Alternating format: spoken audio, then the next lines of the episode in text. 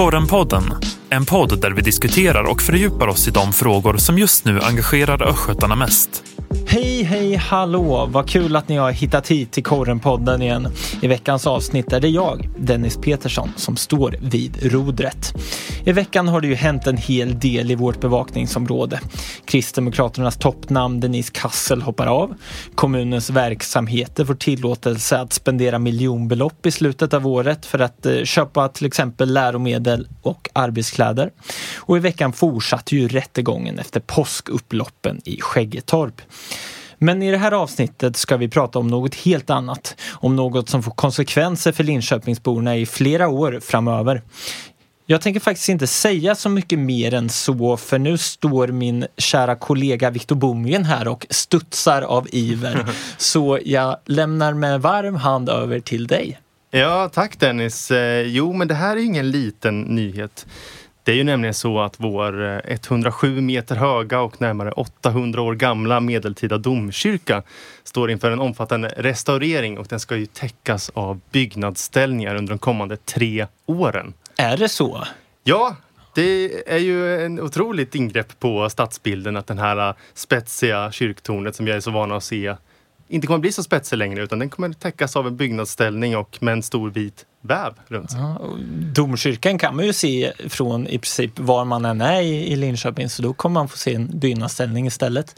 Ja, nej, det är ju ingen äh, underdrift att säga att eh, domkyrkan är Linköpings absolut främsta kännetecken och eh, en symbol för, eh, för stan helt enkelt som man kan se lite var som helst ifrån. Ja. Men varför tycker du att det, det är en så stor nyhet? Du, du är väldigt engagerad. Victor. Ja, dels så är det ju så att jag har ett ganska stort intresse för just medeltida historia och tycker om den här byggnaden. Men sen är det ju också så att jag som är född och uppvuxen och bor här i Linköping, jag mm, har tänkt på det här nu när sen jag fick veta att den ska täckas över. Att det här kommer ändå bli, eh, det kommer bli tre annorlunda år. Man är van vid att se den där. Verkligen. Man ser den ju i princip varje dag. Ja, precis. Och den är ju väldigt, väldigt vacker också. Så är det. Och vi, visst är det så att vi är rätt stolta över den också som Linköpingsbor? Ja, men det känns lite som att vi kommer berövas eh, liksom det, det finaste vi har nästan.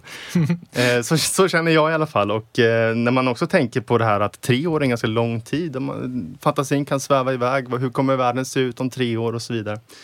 Ja, jag tycker det här är mm, kanske årets största nyhet. Men, men vet vi vad Linköpingsborna tycker och tänker kring den här byggnadsställningen som kommer då? Eh, ja, några av dem i alla fall. För jag eh, begav mig bort till Domkyrkoparken häromdagen och eh, frågade några vad de känner inför det här. Och vi kan väl lyssna på vad de sa.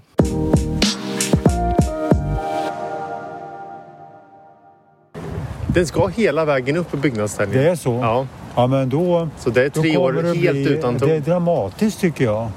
Om det kommer att, för jag tänkte först, kommer de att stanna och, och sen vet jag inte vilken, eventuellt skulle ingången här till och med eller om det... Ja, det var lite så här, vi sa det att "Uff, nu får vi passa på att njuta av, ja, så, sådana är vi i varje fall. Ja, Det är väl olika, en del kanske inte alls har någon... Jag tror många har en, ett förhållande till att det finns en domkyrka. Man kommer, höra, man kommer att höra ljudet i varje fall. ja, nu hör man klockorna slå. Ja, och det... Ja, så det var, ja, det var lite grann min, mina reflektioner. I alla Ja, fall men i tre år, det låter väldigt länge. Ska de renovera på något sätt eller vad då? Det låter ju lite tråkigt att bara höra att den ska vara just täckt och så med allt det där. Det, det ser ju inte så jättetrevligt ut att se massa byggnadsställningar och så. Ja. Speciellt när det är så under en sån lång period. Så att det, det är ju redan tråkigt att de till exempel har precis utanför, du vet Scandic-hotellet precis här. Så att bussarna kan ju inte stanna precis där heller. Det ser, det ser tråkigt ut kommer det att göra. ja, För man vistas ju här varje dag nästan. precis. Ja. Men det kommer bli lite annorlunda. Ja, Det kommer gå bra för dig ändå. ja, oh ja. det gör inte mig något. Det behövs väl och det kommer väl bli fint.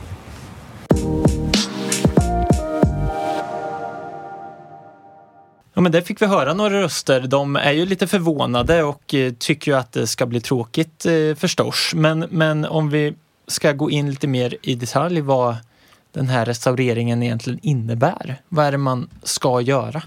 Ja, det är ju ganska mycket som ska göras. Eh, det är bara på själva tornet som man ska göra arbeten och det man ska göra bland annat är att byta ut alla kopparplåtpannor som är det gröna taket som man ser på den här eh, på spiran. Alla de ska bytas ut för de har blivit eh, slitna av väder och vind sen de sattes upp 1968, vilket var senaste tillfället då en så här stort arbete gjordes på kyrkan.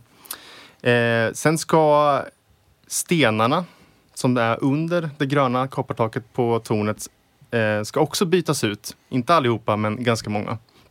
Så det är en, en omfattande insats. Jo förresten, den, den eh, guldiga spiran högst upp i toppen också. Den ska kläs i nytt bladguld så att den ska bli extra skinande och fin.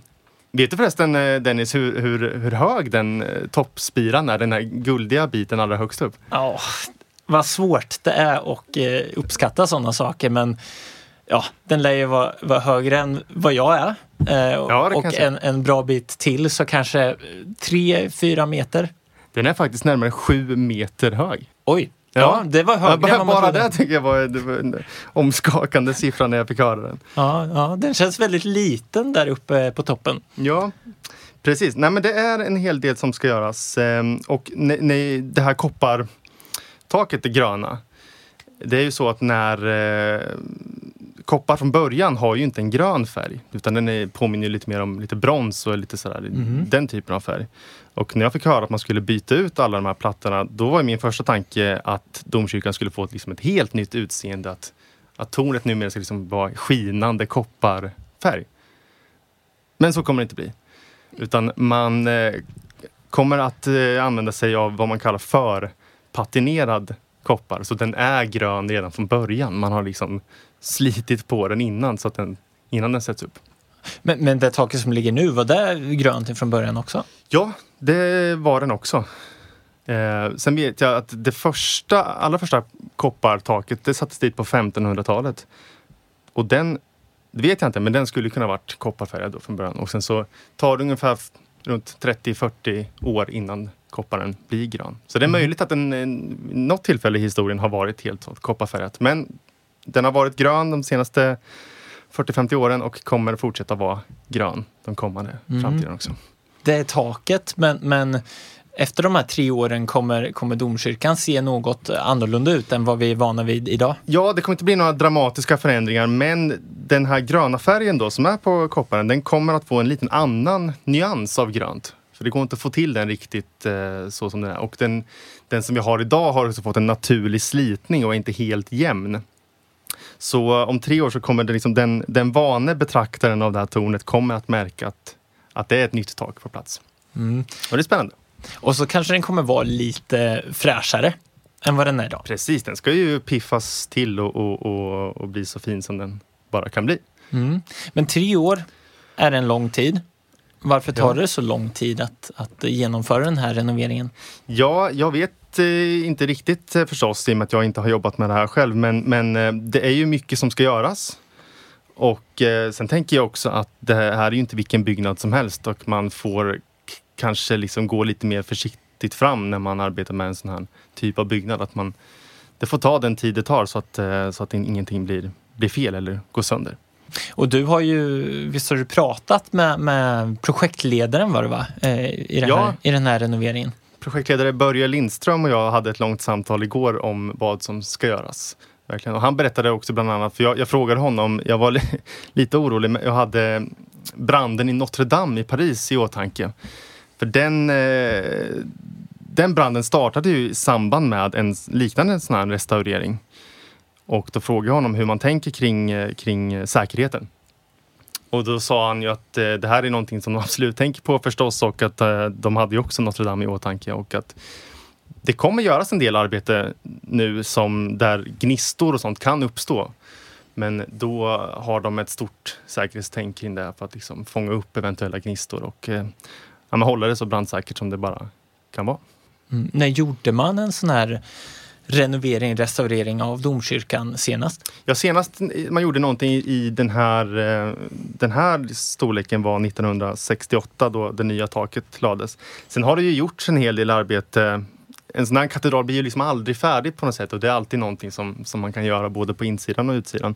Men för några år sedan så eh, byttes eh, de stora glaspartierna ut i, i fönstren som eh, sitter där och det, man eh, höll på och donade en del. Så ja, Nej men 68 var senast en, en, någonting i den här storleken så det, det, här, eh, det här tillhör inte vanligheterna. Mm, så de som är med nu och eh, arbetar här i, i renoveringen har, har sannolikt inte gjort det förut?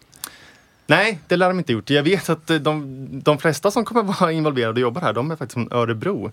Det har blivit så att det här företaget som, som ska sätta upp byggnadsställningen och även företaget som, som leder projektet är båda baserade i Örebro. Mm. Så det är Örebro som kommer hit och hjälper oss med domkyrkan. Och det känns väl tryggt och bra. Just det. Men har de här tre åren börjat ticka än eller när, när börjar man?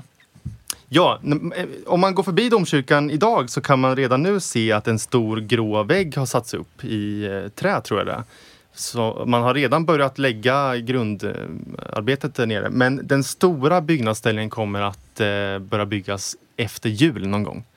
Så man har en månad på sig ungefär här nu att njuta för sista gången höll jag på att säga av det här tornet. Nej, men att, eh, men att verkligen ta en extra titt på, på tornet innan den försvinner här. Och du som, som eh, vurmar lite för det här tornet, hur, hur njuter man av det på bästa sätt av den här sista tiden? Ja, men jag har kommit på mig själv att jag eh, har stannat upp ett par gånger och, eh, och tittat lite extra. Nej, men, Ja, men ta, jag uppmanar alla att ta en sista titt på den för det är ju faktiskt ett eh, fantastiskt verk som eh, arkitekten Zettervall gjorde där när han eh, i slutet av 1800-talet byggde det här tornet. Men du kommer ju såklart att bevaka den här renoveringen eh, längs vägen ju för korrens mm. räkning. Eh, vad har du för tankar eh, kring, kring renoveringen och möjliga uppslag som du, du kan göra? Ja, dels är jag ju nyfiken på att eh, komma in och, och, få höra ännu mer om eh, kyrkans historia av eh, historiker och de som, de som vet eh, mer om själva kyrkan. Men eh, sen har jag också frågat ifall det kommer finnas möjlighet framöver att, att få komma upp och kanske knalla upp för den här byggnadsställningen. Och då sa de faktiskt att det finns eh, möjligheter för mig att, att komma upp någon gång framöver. Och det känns ju det kittlande, får man säga. Trots min höjdrädsla. Men jag ska nog eh, försöka ta mig upp där om, om jag bjuds in. Och då kan man ju titta på det här på, på nära håll. Såklart. Se så att de skärper sig. Exakt och eh, vilka bilder du kommer ha möjlighet att ta. Ja, precis. Nej, men det, det, det hoppas jag. Och, eh, nej, men jag, jag, lovar att jag kommer hålla koll på det här bygget under de här tre åren och eh, rapportera varje gång det händer någonting värt att mm. berätta. Mm.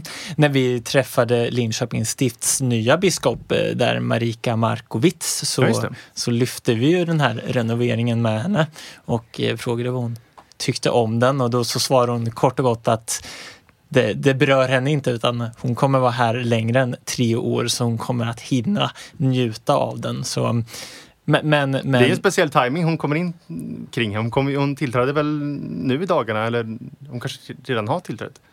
Ja, hon kommer ju att eh, välkomnas. Eh, hon kommer ju först att eh, vigas som biskop i Uppsala. Och mm. sen så kommer hon att välkomnas här i Linköpings domkyrka.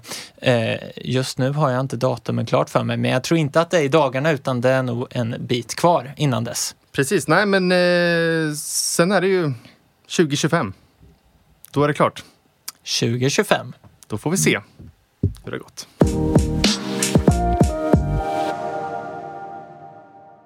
Jag kan ju knappast göra ett avsnitt av Korrenpodden utan att åtminstone prata lite om Linköpingspolitiken. Därför har jag bytt ut min kollega Viktor Bomgren mot min kollega Annika Ekstedt. Välkommen in i poddstudion. Tack. I veckan så eh, meddelade ju Kristdemokraternas toppnamn och första namn i valet eh, Denise Kassel att hon kliver av. Eh, var det oväntat tycker du? Ja, det tycker jag faktiskt. För jag tycker att det nog hade varit mest renhårigt om hon hade avgått precis i samband med valresultatet, att det blir klart. Nu känns det som att hon lämnar partiet i ett litet huh, vad ska hända nu? Mm, för de hade ju i helgen fördelat vad jag förstod eh, uppdragen inför nästa eh, mandatperiod också. Precis i samband med det så, så meddelade hon det här. Men, men eh, var du förvånad över att hon inte liksom klev av direkt? Eller ja. trodde du hon skulle fortsätta? Eller? Ja. Alltså, med all respekt för att, att, att partierna var tvungna att hitta lösningar, vilka, vilka Eh, partier de skulle ingå i, i samverkan med och så, så fattar man ju att man kanske hade ändå ett hopp om att få vara kvar. För jag tror att hon kanske hade varit kvar om hon hade fått vara kommunalråd igen till exempel. Det är ju bara en gissning från min sida.